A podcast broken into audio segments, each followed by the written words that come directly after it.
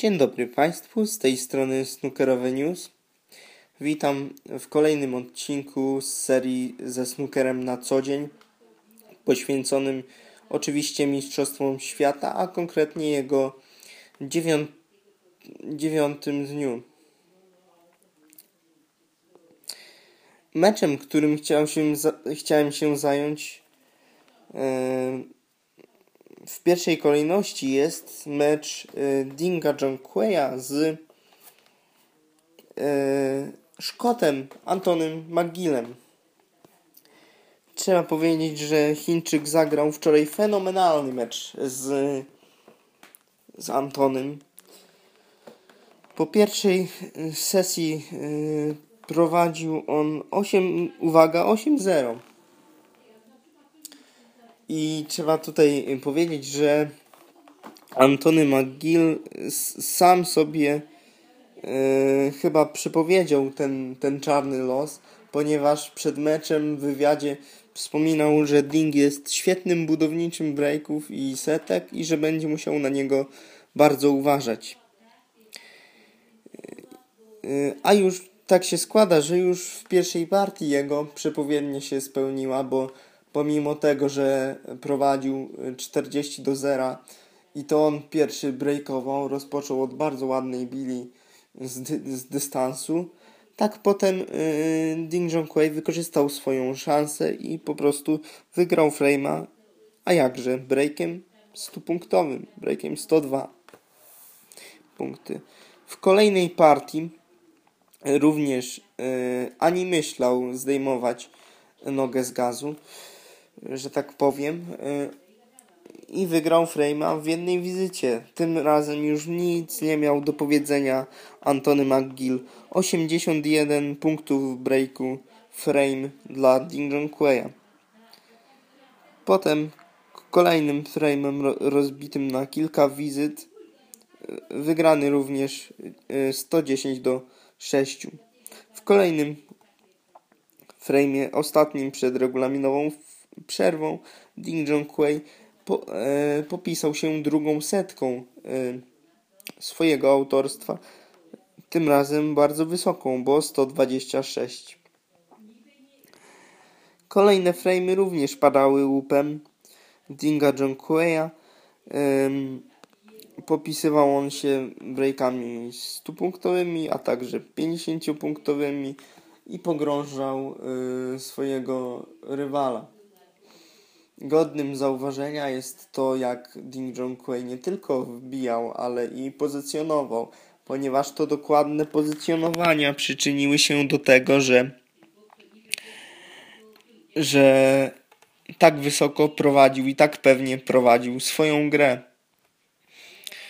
Yy,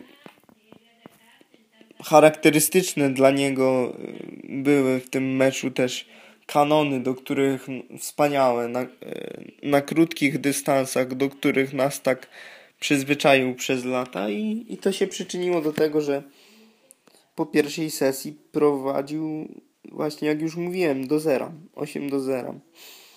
Sytuacja McGilla była nie, nie do pozazdroszczenia, ale Dink nie patrzył się na swojego rywala, bo niby po co miał na niego patrzeć. Zakończył sesję 73-punktowym mm, breakiem, a wieczorem y, zagrał równie dobrą sesję, może nie aż z tyloma breakami, bo w pierwszej sesji to było tak, że praktycznie w każdej partii była 50. Pozwólcie Państwo, że odczytam teraz te breaki. W pierwszej partii 102, w drugiej 81, w czwartej w czwartej 126, w piątej 64, w, w szóstej y, 75,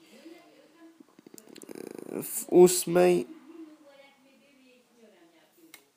w, w ósmej partii 73, jak już mówiłem. W, w dziewiątej była to partia bardzo bardziej wyrównana. Dostał swoją szansę Antony McGill, ale jej nie wykorzystał i w rezultacie przegrał Frame'a w małych punktach 81 do 32. mm, w kolejnej partii postanowił Szkot zaznaczyć swoją obecność i wygrać go przy okazji budując 52-punktowego breaka i doprowadzić do wyniku 9 do 1 z jego perspektywy. Później wygrał również drugiego i trzeciego frame'a z rzędu, czyli kolejną partię dziesiątą, jedenastą i dwunastą wygrał Antony McGill. Jednak jego seria skończyła się w partii trzynastej, którą zakończył zakończył Ding yy, breakiem 66. Potem były jeszcze partie yy, 14 i 15, gdzie również miał swoją szansę Antony McGill, uczeń Johna Higginsa, co jest warte podkreślenia, ale, i, ale w odróżnieniu do swojego mistrza nie wykorzystał ich i w meczu przegrywał już 10 y, do 3. Potem kolejne partie na zakończenie sesji. Y, kolejną partię dołożył y, partię 16 Ding Wave, w której, w której popisał się breakiem stupunktowym, bodajże czwartym w swoim wykonaniu w tym meczu. I z perspektywy Dinga Jonqueya na pewno jest mu szkoda, ponieważ y, brakuje mu tylko jednej partii do wygrania, a będzie musiał ją rozegrać o 20 do, dopiero. Także będzie musiał czekać cały dzień, yy, czekać całą tą noc, co już minęła i cały dzień dzisiejszy na swój mecz. Kolejnym pojedynkiem, jakim chciałem się zająć, był yy, kolejny, bardzo jednostronny, choć nie tak efektowny jak u yy, Dinga Jonqueya mecz bardzo doświadczonego gracza, jednego z wielkiej trójki, mianowicie wspomnianego wcześniej już Johna Higginsa, który również, podobnie jak Ding, po pierwszej sesji prowadził 8-0 z Jackiem Lisowskim, który tak świetnie zagrał w pierwszej rundzie.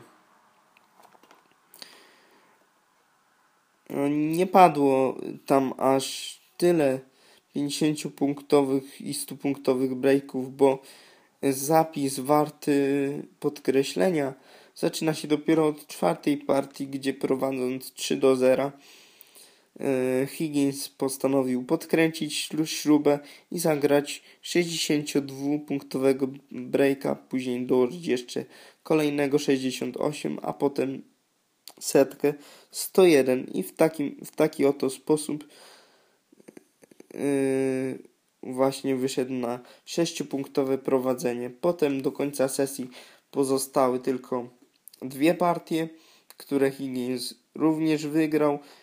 Yy, trzeba powiedzieć, że Lisowski miał szansę, ale całkowicie się jakby podpalił. U niego i jego podobnym zawodnikom właśnie tak jest, że osiągną wielki sukces, a potem niestety gra im nie idzie.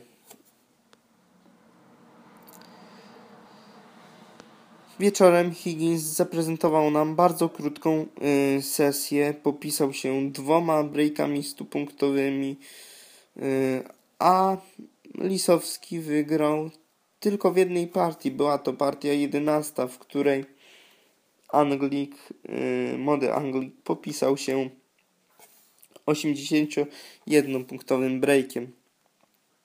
Co ciekawe, po zwycięstwie nad Lisowskim Higgins powiedział, że oczywiście cieszy się cieszy się ze, ze zwycięstwa, ale żałuje, że y, nie wbił y, Maxa w 13 partii, bo oczywiście była ku temu sposobność. Może niektórzy z Was już o tym wiedzą. Mianowicie wyszedł źle Higgins na ostatnią y, czarną.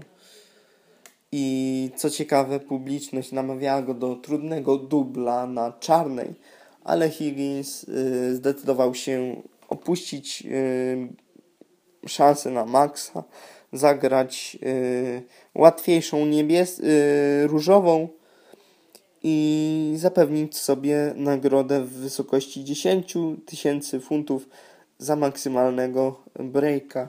W pomeczowym wywiadzie Szkot podkreślił, że oczywiście nie ma co jeszcze dzielić skóry na niedźwiedziu i przypisywać tej, tej nagrody sobie, ponieważ jeszcze turniej się nie skończył i Max może paść, ale ma nadzieję, że nie padnie i że, ta, że ten do, dodatkowy bonus pieniężny będzie yy, będzie należał do niego.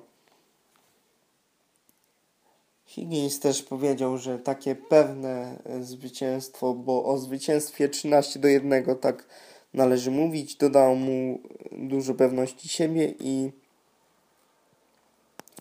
i pewności na, na, na przyszłe mecze, takiej świeżości też.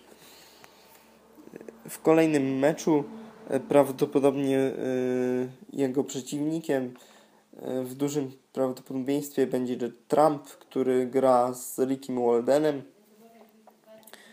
Na razie jest remis y, 4 do 4 po ośmiu partiach bodajże. Chyba, że się coś zmieniło, bo ostatnio jestem na yy, właśnie na majówce i ciężko tutaj z internetem. Nawet nie wiem, czy, czy się ten podcast nagra, bo coś jest ciężko. Nagrywam ten odcinek już drugi raz, ale mam nadzieję, że się nagra i że go usłyszycie. Przepraszam za wszystkie błędy. Zapraszam do odwiedzania mojego bloga i strony na Facebooku. Pozdrawiam Was i życzę Wam słonecznej, udanej majówki snookerowe news.